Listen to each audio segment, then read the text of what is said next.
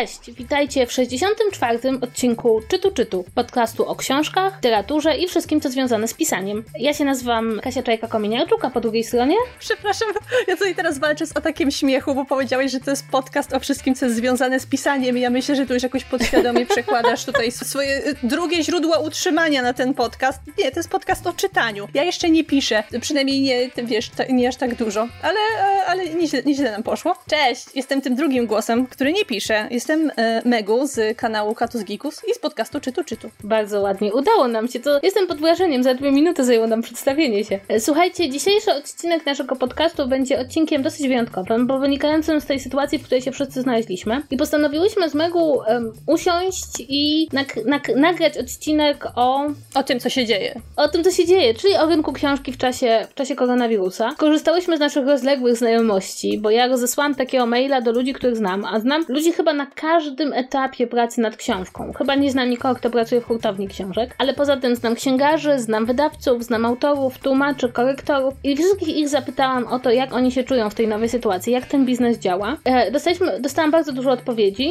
dostałam także bardzo dużo wskazówek, czyje głosy jakby dobrze oddają to, co się dzieje, więc sięgnęłyśmy także po artykuły prasowe, nie tylko polskie, też zagraniczne. I słuchajcie, dzisiaj będziemy mówić właśnie o tym, jak wygląda ten rynek książki, jak to zamknięcie na wszystkich domach wpłynęło na, na świat książki i jak będzie wpływać prawdopodobnie na naszą przyszłość. Ja od chciałabym powiedzieć, że bardzo dużo wypowiedzi, które dostałam, były wypowiedziami, w których autorzy prosili o anonimowość, bo no, czują się trochę niezręcznie, mówiąc niezbyt dobrze o, o sytuacji, w której się znalazły ich firmy. I, I stąd chciałabym powiedzieć, że wszystkie wypowiedzi, poza tymi, które wzięłyśmy z mediów, będą anonimowe. Po prostu nie chcemy, żeby ktoś miał przykrości ze względu na to, co powiedział nam w dobrej wierze i żebyście wy też lepiej e, wiedzieli o tym, co się dzieje w świecie książki i jak możecie pomóc e, swoim ulubionym księgarniom czy wydawcom w tym trudnym czasie. Tak, ponieważ y, ten odcinek podcastu to nie będzie tylko, to nie będzie taki zbiór naszych poglądów, naszej dyskusji na dany temat, tylko w pewien sposób oddamy tutaj głos ludziom, którzy rzeczywiście w tym siedzą i na których życie ta cała sytuacja ma ogromny wpływ. Postanowiłyśmy, że pokażemy wam ten temat z takich perspektyw, w zależności od tego, o jakiej części branży literackiej mówimy, więc porozmawiamy tutaj o sytuacji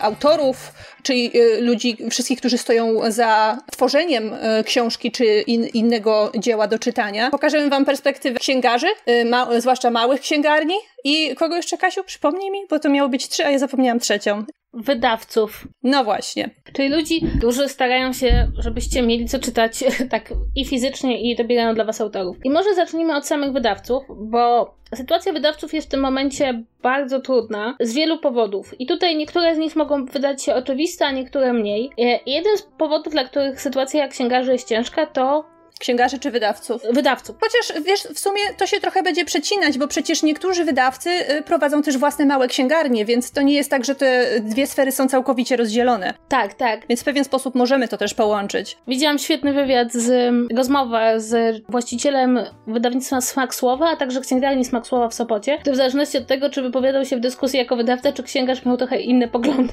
I to było bardzo zabawne. E, natomiast jeśli chodzi o wydawnictwa, to jakie są problemy? Pierwszy, który prawdopodobnie odczujecie i to już niedługo, jeśli już nie odczuliście, to kwestia wydawania teraz książek. Bardzo wiele wydawnictw ma długie plany wydawnicze, no i oczywiście było bardzo dużo książek zaplanowanych, zwłaszcza teraz na kwiecień, maj, ponieważ to się wiąże z targami książki, które się odbywają m.in. w Warszawie. No i książki wydane w tych miesiącach e, bardzo często to są takie premiery, które mają szansę przyciągnąć dużo osób, być atrakcyjne. E, Spotkania na targach książki dodatkowo promują e, te książki. Do tego wszystkiego był, minął już Międzynarodowy Dzień Książki, który także jest takim dobrym dniem na promowanie nowych tytułów. No i tutaj właściwie e, prawie wszystkie wydawnictwa, poza tymi naprawdę małymi, zdecydowały się premiery przełożyć. I jeśli się tak patrzy na decyzje odnośnie wydawania książek, to dosyć wyraźnie widać jeden trend. Albo premier będzie dużo, dużo mniej i to tak e, drastycznie mniej, to znaczy duże wydawnictwo zamiast 20-30 książek wyda 5, e, mniejsze wydawnictwa czasem wydają po jednym, dwa tytuły. Wiem, że wydawnictwo literackie nie wyda żadnej książki w najbliższych tygodniach. Albo druga taktyka jest taka, że się wydaje książki, ale są to książki tylko i wyłącznie tych najbardziej znanych pisarzy. To znaczy premiera książki Chmielarza, czy Twardocha, czy Szczegła, to są takie książki, które doczekają się premier, no bo wydawnictwa w tym momencie nie będą ryzykować, że nawet ciekawa książka mniejszego autora, no jakby zniknie z rynku. Natomiast to są tacy autorzy, którzy na pewno przyniosą zysk i właściwie tutaj ten, ta kwestia promocji nie jest już aż tak niesamowicie, niesamowicie ważna.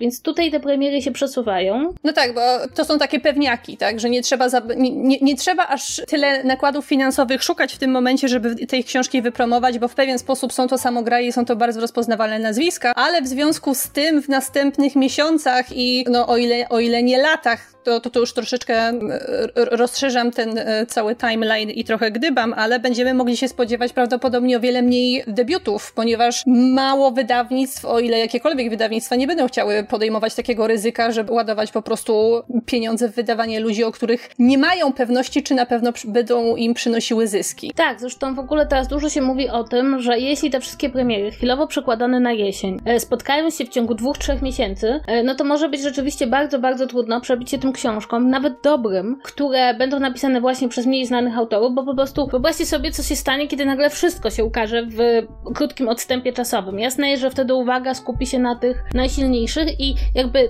książka, która mogłaby sprzedać się w dużo większej ilości egzemplarzy, no niekoniecznie, niekoniecznie tak się stanie, bo po prostu będzie bardzo miała dużą konkurencję, prawda? Tutaj e, to trochę jak w świecie filmu, rozkłada się filmy tak, żeby one na siebie, duże produkcje na siebie nie zachodziły i te małe też na siebie nie nachodziły, tak żeby to było równo rozłożone po całym, w całym roku, więc nawet ci najwięksi twórcy nie mają jakby pewności, że ich książki sprzedadzą się w równie dużych nakładach e, co, co kiedyś. Ale przy okazji jeszcze przy, w tym momencie można też zastanowić się nad tymi ludźmi, którzy e, bardzo często i głośno powtarzali dotychczas, że nasz rynek jest generalnie przesycony nowymi tytułami. Czy na przykład nie poszukać tutaj pozytywu? Ograniczenie liczby wydawanych książek może w jakiś sposób przefiltrować te, które rzeczywiście nadają się do, e, do wydania, a nie tylko marnują papier, bo jeżeli teraz będzie się stawiało na takie powiedzmy większe pewniaki, no to też jest szansa, że czytelnik, większe prawdopodobieństwo jest, że trafi na lepszą literaturę. Nie wiem, czy, czy to, to, trochę, trochę gdybam w tym momencie. Nie mówię, że tak jest i nie mówię, że ja się tym zgadzam, ale właśnie przy okazji e, rozmów na temat obecnej sytuacji rynku wydawniczego pojawiają się też takie głosy, że rzeczywiście to nasycenie na pewno się zmniejszy i czy to nie będzie jakiś maleńki plusik w, w, tej, no, w, w tej całej e, trudnej sytuacji. Znaczy, mój problem polega na tym, że jest mi trudno spojrzeć na to bardzo optymistycznie, ponieważ prawda jest taka, że najlepiej sprzedające się książki największych wydawnictw to nie jest najlepsza literatura. E, bardzo dużo dobrej literatury sprzedaje się w niższych nakładach. No, ja tutaj nie, nie chcę w żaden sposób e, źle mówić o ludziach czytających książki w Polsce, ale nie ukrywam, że jak patrzę na bestseller Empiku, to to nie jest najwybitniejsza literatura, to są książki, które się najlepiej sprzedają. E, no jakby to będą bardzo trudne czasy, ponieważ jeśli będziemy wydawali mniej, to wcale nie jest powiedziane, że będziemy wydawali lepiej. Znaczy, w takich czasach większe szanse ma Blanka Lipińska mhm. niż ktokolwiek inny. No i teraz jest jeszcze ten problem, że nie wiemy, które wydawnictwa upadną, dlatego że w sumie wszystkie wydawnictwa są w tym momencie, znaczy nikt nie jest bezpieczny na rynku e, wydawniczym. Szacu szacuje się generalnie, że to, to znaczy to było tak, że wydawnictwa, czy też małe księgarnie powiązane z wydawnictwami, no to tam zgłaszali, że mniej więcej 40% nich może upaść. Wydaje mi się, że wydawnictw może być mniej niż księgarni, ale wciąż to są dosyć duże liczby. Tak, to znaczy my, mam wrażenie, że nie zdajemy sobie sprawy, jak wiele w Polsce funkcjonuje takich mniejszych wydawnictw, które naprawdę są cały czas na granicy upadku. Jakby ratuje je pożyczanie, wydawanie, to, że sami wydawcy, właściciele wydawnictw bardzo często nie wypłacają sobie pensji na przykład, tylko po prostu jakby pas pasją to wydawnictwo prowadzą do przodu i jak, jeśli się urwie jakby ten, ten łańcuch sprzedaży, no to one są cały czas na tej granicy i bardzo łatwo im, im wypaść po prostu z, z tego rynku. Jeśli wydawnictwo nie ma zasobów finansowych, jeśli nie ma jakichś oszczędności, no to właściwie jego jedyną szansą na przetrwanie to jest to upłynnianie tych zasobów, które ma. Dlatego też bardzo, właściwie wszystkie wydawnictwa, ale bardzo widać olbrzymie przeceny na rynku, na rynku książki. Dzisiaj, dzisiaj właściwie wszystkie, wszystkie wydawnictwa mają kilkunastu do kilkudziesięcioprocentowych zniżek na książki. I to jest po prostu próba wyprzedania tego, co się ma, żeby jak najszybciej przyszła gotówka, żeby móc jeszcze przetrwać kolejny miesiąc, no w nadziei, że, że to się ruszy i otworzy. Jakby to też jest problem, dlatego że e, żadna z tych, żaden z tych elementów tego łańcucha sprzedaży książek nie może istnieć bez innego. To znaczy, jeśli księgarnie nie działają, to nie sprzedają książek, nie płacą hurtowniom, nie płacą dostawcom, nie płacą, te, te pieniądze nie wracają do wydawnictw. Tak, to jest taki system, system naczyń połączonych, prawda, że to, że to jest jeden wielki, jeden wielki organizm, tak jak powiedziałaś. Tak, i tutaj właściwie sytuacja wydawców jest bardzo trudna. Do tego wszystkiego odwołanie targów książki z punktu widzenia czytelnika jest przykre, bo to wszyscy lubią tą imprezę, ale pamiętajmy, że międzynarodowe i krajowe targi książki to są także imprezy branżowe. To znaczy takie książki niemieckie, takie książki odbywające się w Londynie, w Lipsku, to są miejsca, na których się sprzedaje i kupuje prawa do książek. Sprzedaje się prawa do książek polskich, kupuje się prawa do książek zagranicznych. W sytuacji, w której takie takie książki się nie odbywają, to wydawnictwa nie tylko nie mogą kupić książek i nie mogą nabyć praw do tłumaczenia, nie mogą nawiązać kontakt, co będzie się wiązało z tym, że prawdopodobnie ilość tych książek tłumaczonych może trochę spaść, e, natomiast też nie mogą sprzedać literatury polskiej za granicę. E, znaczy, że jakby nie jest to aż tak wielki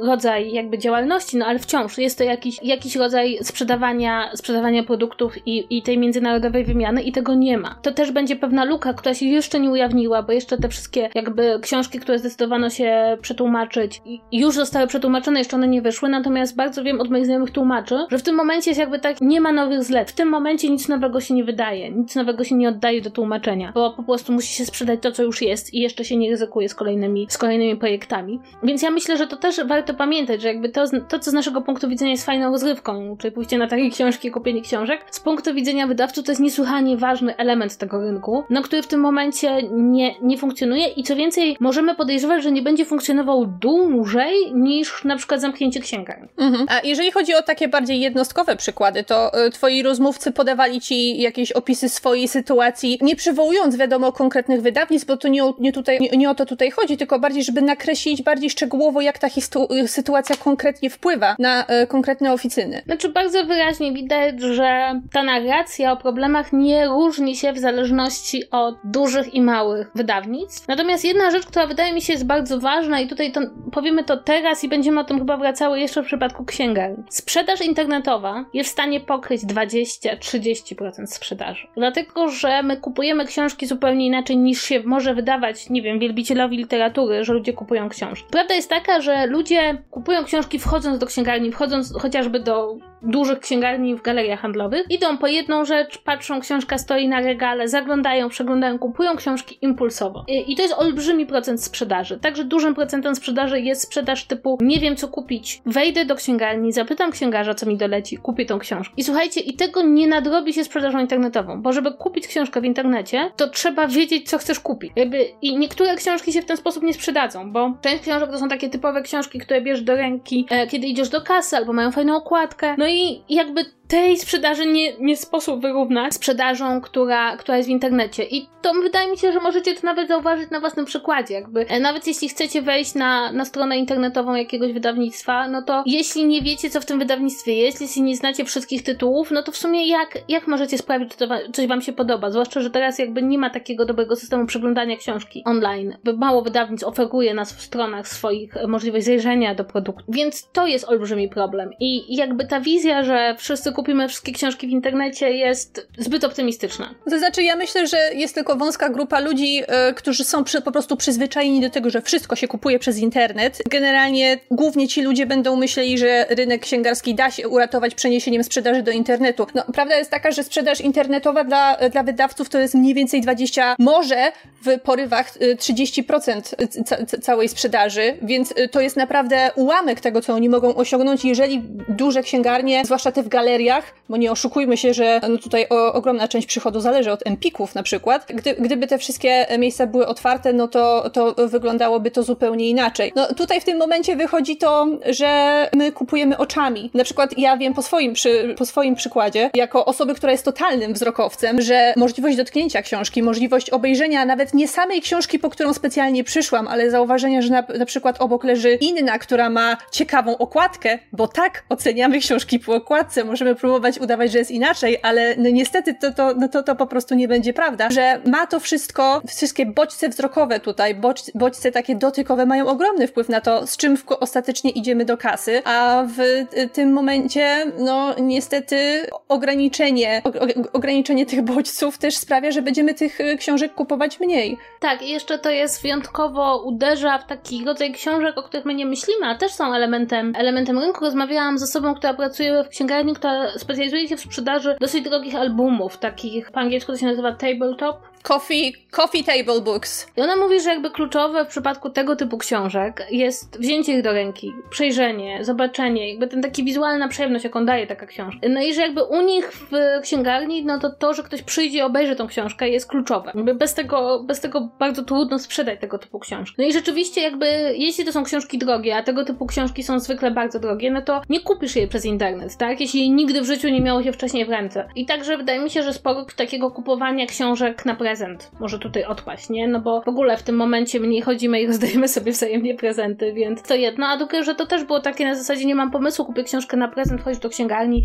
stoi najnowszy kryminał znanego autora, bierzesz go i kupujesz. Więc to są bardzo, bardzo ważny i istotny element e, tego wszystkiego. Zwłaszcza, teraz też będzie przypadał taki okres, kiedy generalnie książek, można powiedzieć, kupowało się dosyć sporo, bo wyjeżdżało się na majówkę, później wyjeżdżało się na wakacje, pojawiały się te wszystkie zestawienia idealnych książek na to znaczy książek lekkich, przyjemnych, które da się pochłonąć w ciągu jednego, e, jednego popołudnia na leżaku. W tym momencie ten y, taki y, bodziec, który by nas do tego zachęcał, czyli jakiekolwiek wyjazdy po prostu z domu, też nam odpadły, więc, no, więc to też jest jedna z przyczyn, dlaczego tej, tej całej sprzedaży będzie mniej. Tak, zwłaszcza, że bardzo, to ja mogę dodać jeszcze do tego, jako osoba pracująca w czasopiśmie, że rynek czasopism został bardzo zweryfikowany przez zamknięcie, właściwie zamknięcie lotnisk i dworców. To znaczy jakby ta, ta wizja, kupu, że kupujesz sobie gazetę do pociągu, to jest jedna z tych rzeczy, które ludzie ciągle robią i to się bardzo zmniejszyły z tego przychody. I tutaj wydaje mi się, że powinniśmy chyba dosyć płynnie przejść do kwestii sytuacji księgarni. Mhm. Bo wydaje mi się, że, że tutaj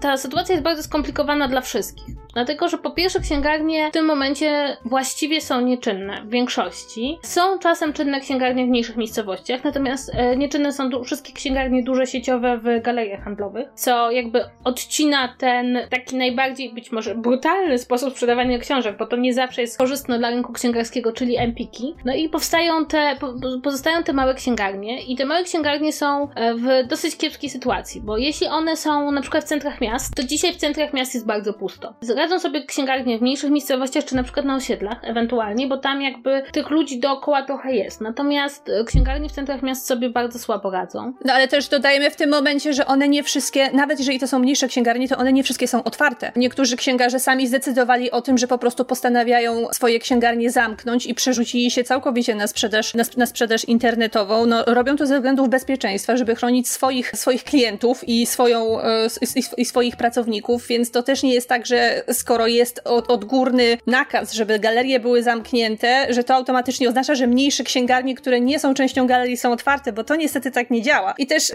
my, myślę, że warto, żebyśmy jak najczęściej tutaj y, podkreślały, że powinniśmy zrobić wyraźne rozróżnienie pomiędzy wielkimi molochami typu Empik i małe księgarnie i niekoniecznie ronić łzy nad tymi pierwszymi, ponieważ umówmy się, Empik jako, no nie, nie ukrywajmy pewnego rodzaju czyrek na, na, na, na, na tyłku rynku księgarskiego w Polsce, oni przetrwają. Cokolwiek by się nie działo, to oni będą tymi pierwszymi, którzy z tego kryzysu w jakiś sposób mają szansę wyjść obronną ręką. No ale to, to, też dlatego, że w pewien sposób żerują na mniejszych wydawcach, a w ten sposób na mniejszych księgarniach, więc y, im zawsze, im zawsze będzie łatwiej. To znaczy, powiedzmy sobie szczerze, że z punktu widzenia księgarni najbardziej dobijający nie jest istnienie Empiku, tylko istnienie sprzedaży internetowej. Zwłaszcza dużych firm, które sprzedają e, książki w bardzo dumpingowych cenach w internecie. E, I to jest ich kilka. E, Natomiast małe księgarnie starają się ratować w ten sposób, no bo to w tym momencie to są takie księgarnie kameralne, to są takie księgarnie, które właściwie opierają się na tym, że przychodzisz do nich i masz spotkanie tylko z wyselekcjonowanymi książkami, które wyselekcjonował dla ciebie księgarz, e, ale także z ludźmi, którzy się na sprzedaży znają i są w stanie ci coś doradzić. No i tego internet nie zastąpi. Natomiast one się ratują czymś, co się nazywa takim projektem książka na telefon, co polega na tym, że można zadzwonić do swojej lokalnej księgarni. Jest strona internetowa, którą podlinkujemy w opisie. Możesz zadzwonić do swojej, jest taki cały spis księgarni. Możesz tam zadzwonić albo wejść na stronę internetową, którą, która jest podlinkowana i tam możesz z pomocą księgarza zamówić książki. One albo zostaną dostarczone do ciebie, albo można je odebrać w okienku. E, niektóre z księgarni obfotografowały swoje półki, więc można po prostu obejrzeć półki tych księgarni czy antykwariatu i zdecydować się na, na zakup. E, ja słuchałam kilku rozmów z ludźmi, którzy, którzy jakby sprzedają książki w ten sposób, no i niestety jest taka dosyć duża narracja, że to nie jest sposób na przetrwanie. To znaczy, jeśli doliczymy czas związany z przejazdem do osoby, zostawieniem jej książek, powrót, czy nawet y, ilość tych książek, które się sprzedaje na telefon, no to, że to jest jakiś tam stały dopływ gotówki, żeby jakaś gotówka była, ale to absolutnie nie jest w stanie wyrównać strat, jakie te księgarnie ponoszą. No to jest tylko doraźna pomoc na teraz. Tak, część księgarni decyduje się na takie rzeczy jak kupon na przyszłą książkę, czy talon na książkę. To jest bardzo fajny projekt, polegający na tym, że księgarnie sprzedają ci e, za jakąś sumę 50-100 zł e, talon na książkę, którą kupisz sobie po, po tym, jak już będziesz mógł przyjść i obejrzeć, co jest na półkach. E, bardzo dużo osób kupuje tego typu talony i bony w ogóle bez zamiaru kupowania potem tych książek, tylko raczej jako taką, taką szybką pomoc finansową. No i tutaj bardzo jakby wchodzi, kiedy rozmawiamy o księgarniach, pytanie, kto mógłby pomóc. Czy to są tylko czytelnicy? Pojawiają się głosy, że dużo może pomóc samorząd i jest kilka jakby sposobów, na które samorządy mogą pomóc. Mogą, jeśli księgarnia znajduje się w budynku e, miejskim, to mogą na przykład obniżyć albo zawiesić czynsz na ten trudny czas, który jest teraz. Można, mogą jakby wspierać księgarnie w taki sposób, że biblioteki miejskie mogą kupować książki w księgarniach. Nie chodzi tu o bardzo duże zakupy, bo na bardzo duże zakupy książek potrzebny jest przetarg. Ale powiedzmy, wielu małych księgarni to, że biblioteka kupi co miesiąc książki za 1000 zł, to już jest olbrzymi, olbrzymi jakby wsparcie finansowe. To nie jest mało pieniędzy dla, dla księgarni. No i oczywiście jest bardzo dużo innych inicjatyw. Wiem, że bardzo krytykowana jest inicjatywa warszawska, e, bo w Warszawie e, będzie się odbywał konkurs na najlepszą warszawską księgarnię do wygrania 40 tysięcy złotych. No i to jest dosyć krytykowane, bo uważa się, że nie powinno się księgarni nastawiać przeciwko sobie. Tak, w tych trudnych czasach. Natomiast podobno bardzo fajnie, bardzo fajnie zachowuje się Kraków, który ma cały taki projekt wspierania księgarni i dofinansowywania e, księgarni w mieście, zwłaszcza tych małych. Natomiast rzeczywiście tutaj problem z tymi księgarniami jest taki, że one są już i tak, no dosyć mają ciężką sytuację tak jak jest, ponieważ konkurują z nimi i duże sieci, ale także, i to wydaje mi się, że to jest tutaj taki jakby warte przypomnienia, także e, takie sieci, w których kupujemy książki przez internet dużo taniej. To myślenie, że książkę zawsze należy kupić za jakiś procent jej wyjściowej ceny, e, sprawia, że kiedy ludzie przychodzą do księgarni, to oglądają książki w księgarni, ale kupują je potem przez internet, bo jest taniej. No i, i to jest niestety ten e, taki dosyć duży problem. No i też z tego co wiem, w tych trudnych czasach niekoniecznie dobrze układają się kontakty między księgarniami a hurtownikami, czyli tutaj też następują jakieś spory finansowe, hurtownie też są w trudnej sytuacji, nie chcą przyjmować mniejszych zamówień. Z, z same księgarnie boją się zamawiać większej ilości książek, no bo powiedzmy, jeśli by normalnie wyszła jakaś nowa książkowa, zamówiono by kilkanaście czy kilkadziesiąt egzemplarzy, dzisiaj się zamówi kilka i to też nie będzie pewności, czy one zostaną, zostaną sprzedane. No i ponownie mówimy o tym, co, co jest ważne, że nie ma spotkań autorskich w księgarniach. Spotkanie autorskie w księgarni jest bardzo ważne, ponieważ ono jakby dla bardzo wielu, zwłaszcza tych małych księgarni, sprawia, że ludzie w ogóle wchodzą do księgarni, tak? Wchodzą do księgarni spotkać się z e, Iksińskim, ale przy okazji chodzą między półkami, spędzają czas w tym miejscu i wychodzą z zupełnie innymi książkami. E, I tutaj tych rozmów, które ja słyszałam, to wiem, że Ministerstwo Kultury daje dofinansowanie na stworzenie strony internetowej tych księgarni, ale nie wszyscy uważają, że to się opłaca, jakby, że, że, że ta, ta inwestycja ma sens. No i że tych głosów, które słyszałam, to oni twierdzą, że księgarnie są w stanie w tej, w tej sytuacji, w jakiej są, jeszcze miesiąc, dwa przetrwać, a potem się zacznie dosyć powszechne upadanie tych mniejszych księgarni. Znam jeden przykład, gdzie właściciele księgarni, korzystając z jakichś znajomości, postanowili sprzedawać w swoich księgarniach maseczki i środki do dezynfekcji i tym samym, i tym samym zarabiać. E, no i oczywiście jeszcze dochodzą do tego takie rzeczy jak obcinanie pensji czy, czy zwalnianie pracowników e, księgarni. No tak jak mówiłam, generalnie sami księgarze szacują, że około 40% z nich upadnie, jeżeli sytuacja tutaj e, w, w Polsce się szybko nie zmieni. Oni mówili, zapowiadali to z terminem, czekaj, kiedy to było? Oni mówili, że do końca kwietnia. Jeżeli do końca kwietnia się nie zmieni, to prawdopodobnie 40% z, z tych małych księgarni upadnie. No i też przy okazji tej całej sytuacji, no niestety na jaw, znaczy nie na jaw, bo to są rzeczy, o których się zawsze mówiło i one były dosyć, do, do, dosyć wiadome, ale przypomina się to różne zachowania i różne praktyki, które tutaj na, na naszym rynku zawsze były pewnego rodzaju patologią tego całego świata księgarskiego, to znaczy to, że małe księgarnie nie mogą się doprosić zapłaty za swoje książki, które zalegają w tych większych księgarniach i nie, nie mogą się do zapłacenia faktur i tak dalej, i tak dalej. No a też przy okazji nie oszukujmy się, że, ty, że ci duży giganci rynkowi trochę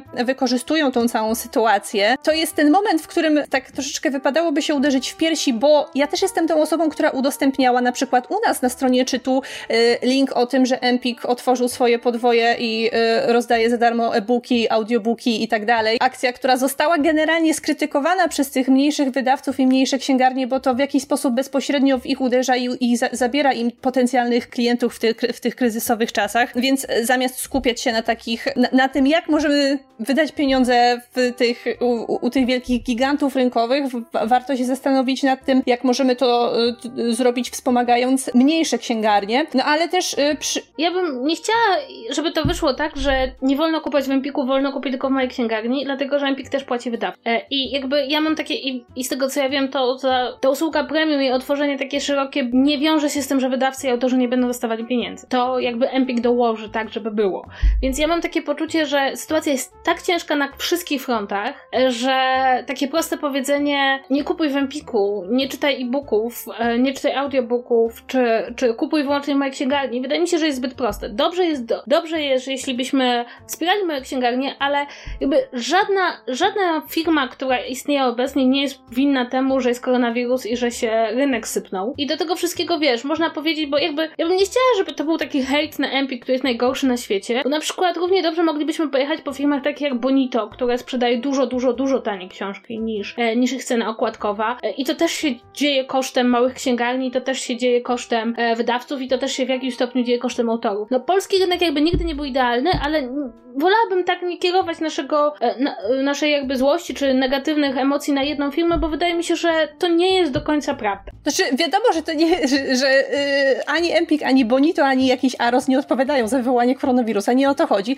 ale yy, myślę, że yy, warto jednak zachęcać do tego, że jeżeli ludzie mają wybór, ale też nie każdy ma, więc to też nie jest, nie jest powód do tego, żeby czuć się winnym z powodu tego, że nie stać się na kupienie większej ilości książek bezpośrednio w małej księgarni albo bezpośrednio u wydawcy, żeby, żeby ich wesprzeć, ale jeżeli masz wybór, to warto rozważyć, w którą stronę, w który kanał dystrybucji te swoje pieniądze skierować. Ale też yy, yy, troszeczkę yy, abstrahując już od, od, tej kwestii, myślę, że też warto zwrócić uwagę na to, że generalnie my jako czytelnicy mamy szansę wesprzeć księgarnie i wydawców, samorządy też mo mogą mieć szansę wesprzeć księgarnie i wydawców, ale też nie zapominajmy o tym, że generalnie kultura, literaci, księgarze i tak dalej, niestety zostali w, w, w samym ogonku tej takiej ogólnej rządowej pomocy, którą mogliby otrzymać. Oni będą się otwierali w ostatniej kolejności, kiedy państwo będzie wracało do normalnego funkcjonowania, oby, a w tym momencie na jakieś takie pomoce finansowe, do, do, dofinansowania, y, jakieś y, pakiety kryzysowe, to tak naprawdę nie mają co liczyć i to jest też trochę przykre, że przykre, a jednocześnie naturalne, że w,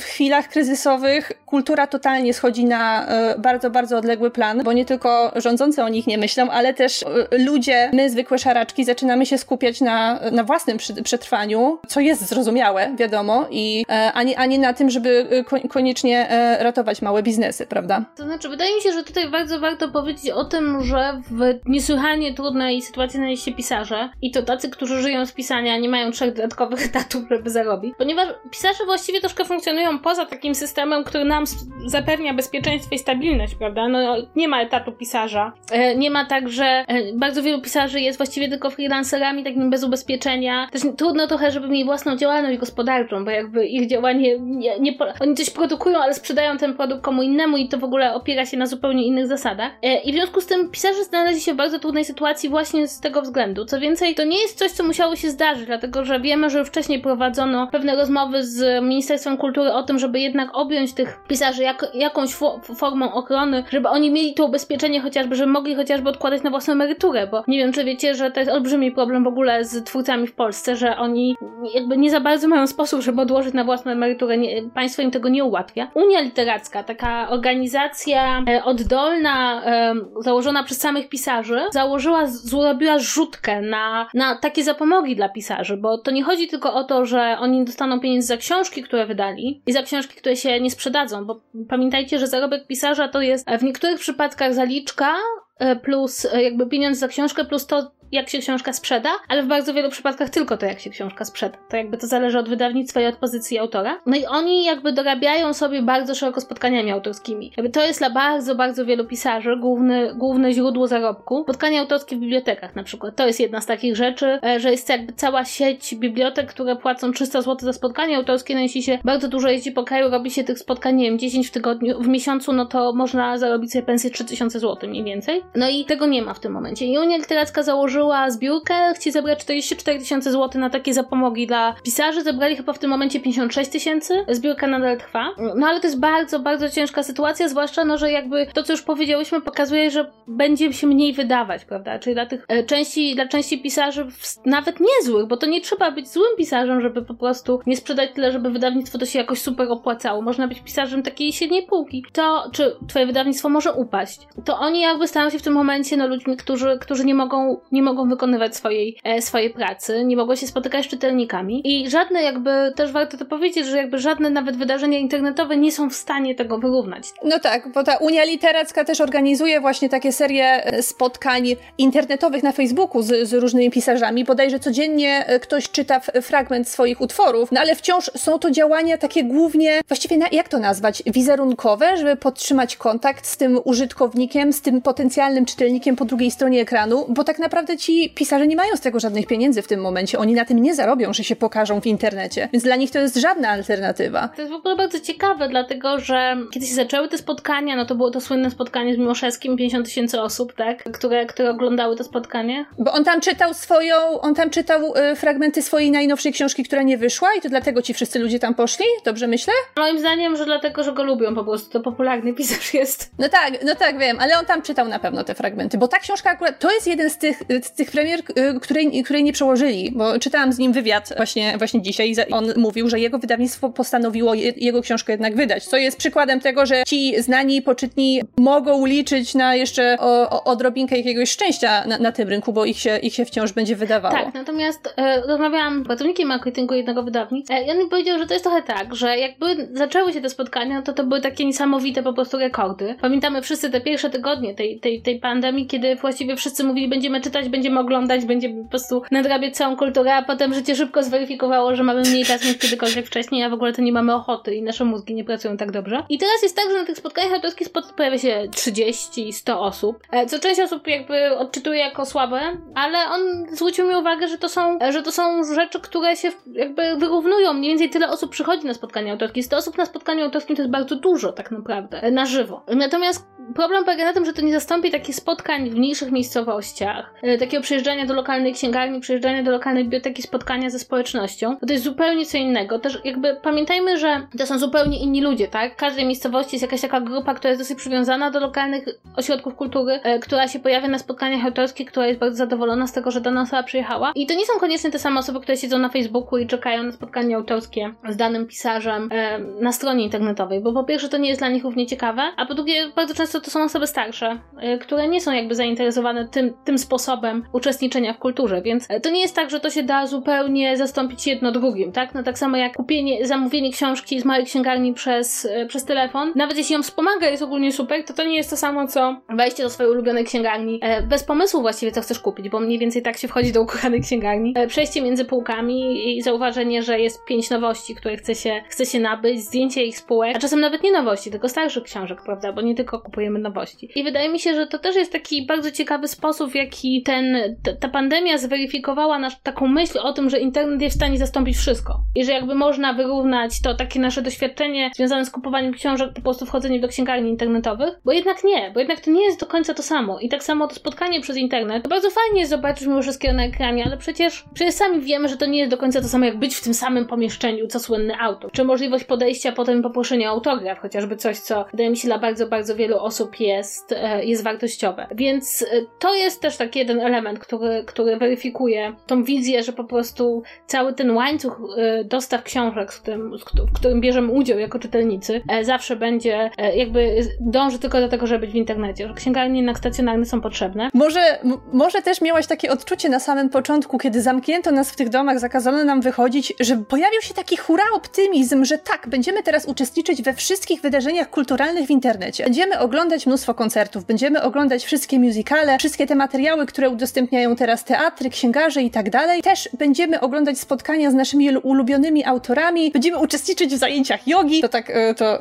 e, śmianie się z samej siebie w tym momencie i wszyscy będziemy siedzieć i czytać ciągle mnóstwo, mnóstwo, mnóstwo książek. I przepraszam, ja mam teraz, teraz flashback do Beaty Pawlikowskiej walącej w książki, śpiewającej o tym, że będziemy, że zostań w domu, czytaj książki i trochę mi się, trochę, trochę mi się zbiera. Ale jak to szybko przeszło, prawda? Bo ileż można siedzieć w domu, zwłaszcza w takiej, umówmy się, bardzo stresującej sytuacji i tylko skupiać się na tym, żeby pochłaniać kulturę z nudów, tak? To, to była taka jakaś strasznie e, górnolotna wizja, że będziemy się samo doskonalić w czasie kwarantanny, e, bo będziemy mieli tyle czasu na pochłanianie kultury, a jednak e, rzeczywistość to chyba dosyć szybko zweryfikowała, co też widać po tych, dajmy na to, po tych ludziach, którzy oglądają transmisję spotkań z autorami na, na, na Facebooku, że nie da się przez cały czas funkcjonować na tak wysokich obrotach. Na początku to jeszcze można było się zwodzić, że tak będziemy siedzieć i czytać, ale teraz, no, y, po, po, czy przeczytałaś więcej książek, siedząc teraz w domu na kwarantannie niż wcześniej? Bo ja nie. Ja, mi się, u, u mnie się to wcale nie zmieniło w jakąkolwiek stronę. Wręcz mniej teraz czytam. Nie, nie przeczytałam więcej książek, także dlatego, że odpadały nam takie naturalne miejsca, gdzie czytamy. Czyli na przykład jazda tramwajem, czy autobusem, czy, czy metrem. Więc nie. I też wydaje mi się, że tutaj bardzo ważne jest, żeby zaznaczyć, że ta wizja, że ludzie będą mieli więcej czasu po prostu upadła, bo na przykład nauczanie domowe okazało się jakimś takim straszliwym obciążeniem dla wielu rodzin, a praca zdalna okazała się być bardzo trudna, bo nie można z niej wyjść, prawda? Ja to widzę jakby,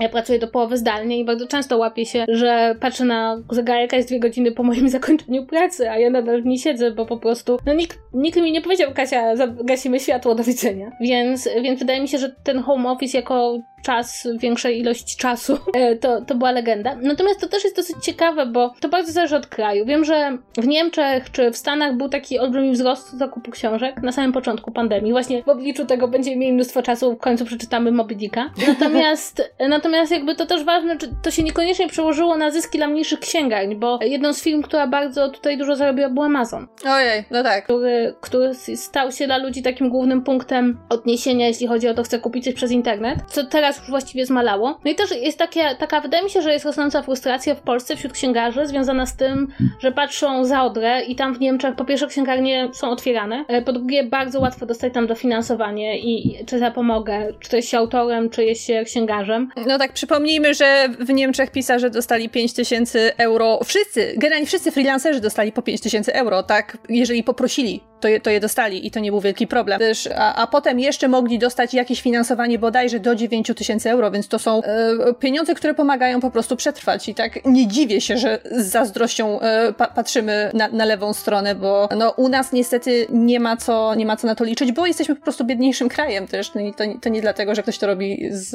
e, ze złośliwości. Tak, chociaż mi się wydaje, że to, co powiedziałaś, że to myślenie o kulturze jako o czymś potrzebnym i koniecznym i wspieranym jest w Polsce w ogóle zupełnie inaczej, e, inaczej myślane, jakby traktowane, że w Polsce bardzo dba się o to dziedzictwo kulturowe, a niekoniecznie dba się o tą kulturę, którą się tworzy teraz. Że to jest ta dosyć duża, e, duża różnica, bo jakby w ogóle te, to, to są te ciągnące się dyskusje pomiędzy środowiskiem pisarzy a, i wydawców, a władzami dotyczącym tego, że nawet nie chodzi o danie pieniędzy, tylko jakieś ustawodawstwo, które by cokolwiek zmieniło. Kwestia VAT-u na książki, kwestia jednolitej ceny książki, e, która dzieli środowisko, kwestia właśnie tego, żeby chociażby jakoś objąć ubezpieczeniem tych pisarzy, którzy są, prawda, właściwie poza systemem. Więc, więc ogólnie rzecz biorąc, bardzo dużo, bardzo dużo tego typu spięć na linii rynek wydawniczy państwo jakby istniało wcześniej, a teraz stało się e, dosyć wyraźne i jakby też pokazało, jak, jak się właściwie to czytelnictwo w Polsce traktuje. E, bardzo mnie, a propos tych e, jakby porównań z zagranicą, to jedna rzecz mnie bardzo rozbawiła, podobno w Niemczech najwięcej sprzedało się literatury dziecięcej i lektur szkolnych i to mnie rozbawiło, bo, bo to też jest taka kwestia, że o czym w ogóle już nie myślimy, to jak bardzo bodzie w cały rynek książki zamknięcie bibliotek, tak? Bo zamknięcie bibliotek to nie tylko te, co już wspomniałam, odwołane spotkania autorskie, ale także część osób przestaje mieć dostęp do książek. Mhm. E, biblioteki nie kupują wtedy nowych książek, bo nie mają takiego zapotrzebowania. Nie zapraszają autorów, ludzie się nie dowiadują o nowych książkach. E, I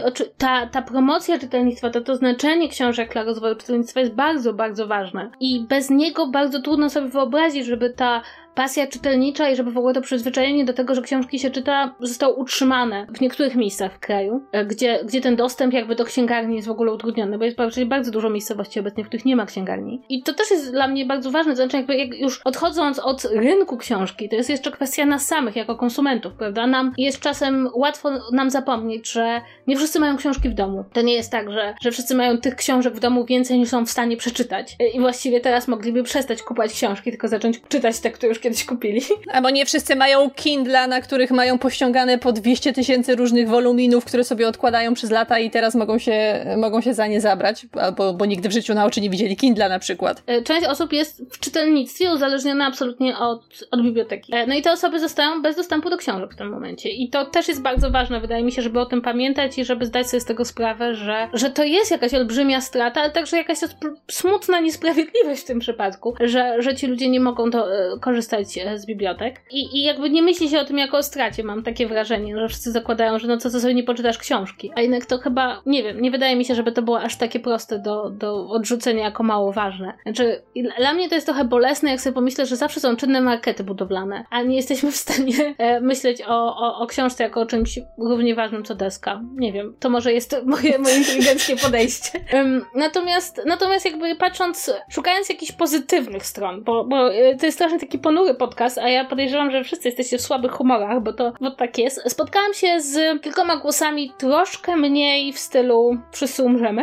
E, więc tak, spotkałam się z głosem, że nie zagrożone są chwilowo książki naukowe, bo one są wydawane trochę innym trybem i że przy książkach naukowych pewne rzeczy się muszą dziać, są przyznane granty, są jakby plany wydawnicze, niekoniecznie bardzo uzależnione od takiej sprzedaży, typu ktoś wejdzie i kupi sobie jakąś, nie wiem, monografię Kanta. Jakby ten świat książek naukowych w tym momencie się trzyma i wydawnictw naukowych też. E, spotkałam się z takim głosem dziewczyny, która niedawno wydała swoją książkę w niewielkim wydawnictwie, mówiącą, że nareszcie po raz pierwszy ma szansę konkurować na rynku tak samo jak ci, których wydały duże wydawnictwa sprzedające swoje książki w Empiku. Że w sytuacji, w której wyjmiemy te największe księgarnie, największe sieci e, księgarskie z rynku, jakby wszystkie książki mają mniej więcej te same szanse na przebicie się. E, I że dla niej to jest taki dosyć, dosyć pozytywny bodziec i że, i że ona to uważa za coś ciekawego. No i ostatnia rzecz, no to być może rzeczywiście to takie, że nie da się przenieść sprzedaży książek do internetu, ale jakby ta trochę większa promocja w promocji internetową, chociażby jak te spotkania autorskie z pisarzami. Wydaje mi się, że jakby się udało to jeszcze trochę podkręcić, może jeszcze jakby znaleźć dla tego nową formułę, to byłoby to naprawdę, byłoby to naprawdę fajne i może zostanie z nami na dłużej. I także wydaje mi się, że fajnie będzie, jeśli część przynajmniej z tych małych księgarni założy sobie strony internetowe i pozwoli nam w jakiś sposób wspierać małe księgarnie nie wychodząc z domu. No, jeżeli jakaś księgarnia mała nie miała jeszcze strony internetowej, to to jest naprawdę ostatni dzwonek, bo jeżeli, jeżeli nie mieliście tego wcześniej, to po pierwsze pytanie, dlaczego nie mieliście? Powinniście byli mieć. To, no to jeszcze po prostu macie ostatnie kilka minut, żeby się na tym polu uratować tą stronę założyć, bo, bo, bo w obecnej sytuacji to, to chyba tylko to ewentualnie może pomóc, nie? No i mam też, mam też wrażenie, że być może, być może właśnie te pewne inicjatywy ustawodawcze, typu zerowy VAT na książki, typu jednolita cena książki, typu, typu ubezpieczenia dla, dla pisarzy przestaną być takim na zasadzie, ale o co wam chodzi?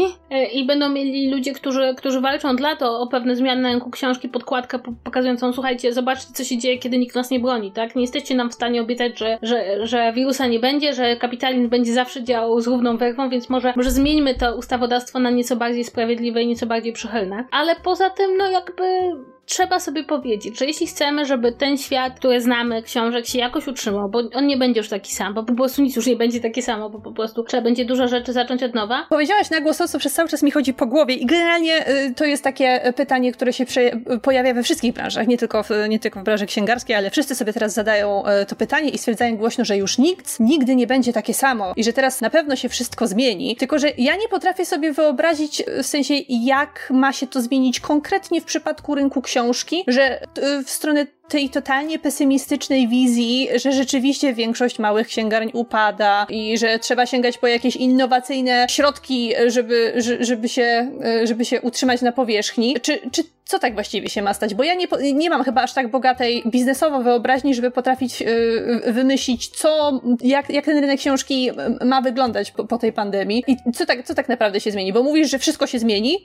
Konkretnie jak to będzie wyglądało? Znaczy ja podejrzewam, oczywiście ja nie wiem. Ja chciałabym to założyć że ja nie jestem specjalistą od rynku księgarskiego, natomiast e, jeśli miałabym powiedzieć, co moim zdaniem może ulec zmianie, no to moim zdaniem trochę cofniemy, cofniemy taśmę, że się tak wyrażę. Znaczy, od, od jakichś 30 lat I od momentu, kiedy skończyło się rynek książki, który był przed transformacją, a właściwie przed 89 rokiem, budujemy nowy rynek książki w nowych warunkach. On przeżywał bardzo, przez wiele lat bardzo wiele dołów i bardzo wiele dołów związanych z na przykład z kryzysami finansowymi i one wyglądały mniej więcej tak samo, to znaczy zmniejszała się ilość wydawnictw, upadały małe księgarnie, e, prze, przeżywały te największe wydawnictwa, przeżywali ci najwięksi pisarze, mniej się tłumaczyło literatury, a właściwie mniej się tłumaczyło literatury, powiedziałabym, dziwniejszej, takiej, która nie trafi do każdego, do każdego czytelnika. Ja pamiętam jakby lata 90. czy, czy te lata tuż po końcach kryzysu, które jednak wyglądały na rynku księgarskim inaczej. To, to, co się działo w ostatnich latach, czyli pewne odrodzenie się księgarni kameralnych, powstawanie tych takich naprawdę fajnych miejsc nastawionych na bardzo konkretny rodzaj literatury, powstawanie super wydawnictw, które wydawały książki dla bardzo, bardzo konkretnych czytelników, które były to wydawnictwa małe, które były to wydawnictwa super, ale na pewno nie takie, które mogą konkurować na wielkim rynku z wydawnictwami, które mają, no nie wiem, najpopularniejszy romans czy kryminał danego roku. Ja mam wrażenie, że tutaj po prostu ta zmiana, nie chodzi o to, że wejdziemy po prostu w kosmiczną erę, czy że po prostu nie będzie, nie będzie tego, co było, tylko mam wrażenie, że się trochę cofniemy, tak? I, i myślę tutaj, że, że takim wydawnictwom jak powiedzmy, nie wiem, Tajfunom czy Dwóm Siostrom, czyli wydawnictwom, które wydają bardzo specyficzne książki, piękne książki, wspaniałe książki, tam prowadzone przez zaangażowanych ludzi, którzy naprawdę mają pomysł na swoje wydawnictwo, będzie po prostu dużo, dużo ciężej, ich im się uda przetrwać. Mam też takie poczucie, że to, co ja ostatnio widziałam w Warszawie, nie wiem jak jest w całej Polsce, to znaczy takie odradzanie się księgarni jako nie tylko księgarni, ale jako takiego miejsca kultury, takiego ośrodka kultury właściwie. I że te księgarnie są po prostu coraz fajniejsze i, i takie naprawdę naprawdę prowadzone z sercem, przez ludzi, którzy są po prostu, nie robią tylko dla pieniędzy, tylko z miłości do książki. I te książki są tam super dobrane i, i w ogóle cała księgarnia jest jakby żyjącym miejscem, no że tym miejscom będzie po prostu bardzo, bardzo trudno. I dlatego, dlatego mam takie wrażenie, że ta nowa rzeczywistość tak naprawdę wszyscy mówią nowa, a ja mam takie wrażenie, że po prostu to będzie takie cofnięcie, cofnięcie taśmy i, i być może, i być może jak wyjdziemy w końcu na miasto, zorientujemy się, że ta mapa księgarni, ta mapa literatury, która do nas dochodzi, którą możemy czytać, e, wygląda już zupełnie, e, zupełnie inaczej to jest dla mnie. Ja nie mam wrażenia, że to będzie tak, że po prostu już nigdy nie wrócimy do tego, co było, bo tylko pamiętajmy, że wszystko jest ze sobą powiązane, tak? Mnóstwo osób traci obecnej pracy albo ma obniżone pensje. Osoba, która straciła pracę albo ma obniżoną pensję, nie kupi książki. Po prostu ją na to nie stać. W związku z tym, a na pewno już nie kupi książki e, w kameralnej księgarni za pełną cenę okładkową, bo, bo będzie szukać, mhm. na, czy, czy, czy prawdopodobnie może nie zdecydować na abonament na Legimi, który także pomaga wydawnictwom docierać do, do czytelników, do których nie docierają ze fizyczną książką. I to znaczy, że będzie jeszcze trudniej, bo już odsuńmy na bok kwestię po prostu całego tego rynku książki, żeby rynek książki działał, ludzie muszą chcieć i móc kupować książki. Żeby móc kupować książki, trzeba mieć na nie pieniądze. E, I to jest jakby, to jest ten problem, który kultura zawsze spotyka w sytuacji kryzysu, tak? Co ucinasz pierwsze, kiedy jest kryzys, tak? Możesz nie kupić nowej książki, możesz nie pójść do kina, możesz nie pójść do teatru, możesz nie, nie posłuchać muzyki. E, więc ja mam takie po prostu poczucie, że tak naprawdę w całym, we wszystkich tych trybikach, o których my mówimy, tak naprawdę wszystko w ostatecznym rozrachunku sprowadza się do nas. Znaczy, czy my nas będzie stać, żeby kupić książkę? Czy nas będzie stać, żeby zrobić coś więcej niż wejść do księgarni? W tym momencie sytuacja jakby wyglądała na tyle dobrze, że społeczeństwo się trochę bogaciło, bo, bo jakby byliśmy, dobrze się czuliśmy w tym takim konsumpcjonizmie, mogliśmy sobie zamawiać kolejne serwisy na subskrypcję, mogliśmy kupować książki. E, no teraz właściwie prawie nie ma miejsca pracy, które by komuś nie obcięło pensji o 20, 30, 40%, czy nie zwolniło go i nagle te potrzeby kulturalne stają się drugoplanowe, więc to jest jeszcze ten element, którego się nie da pominąć, a który tak naprawdę może się okazać w tym wszystkim kluczowy. Mhm.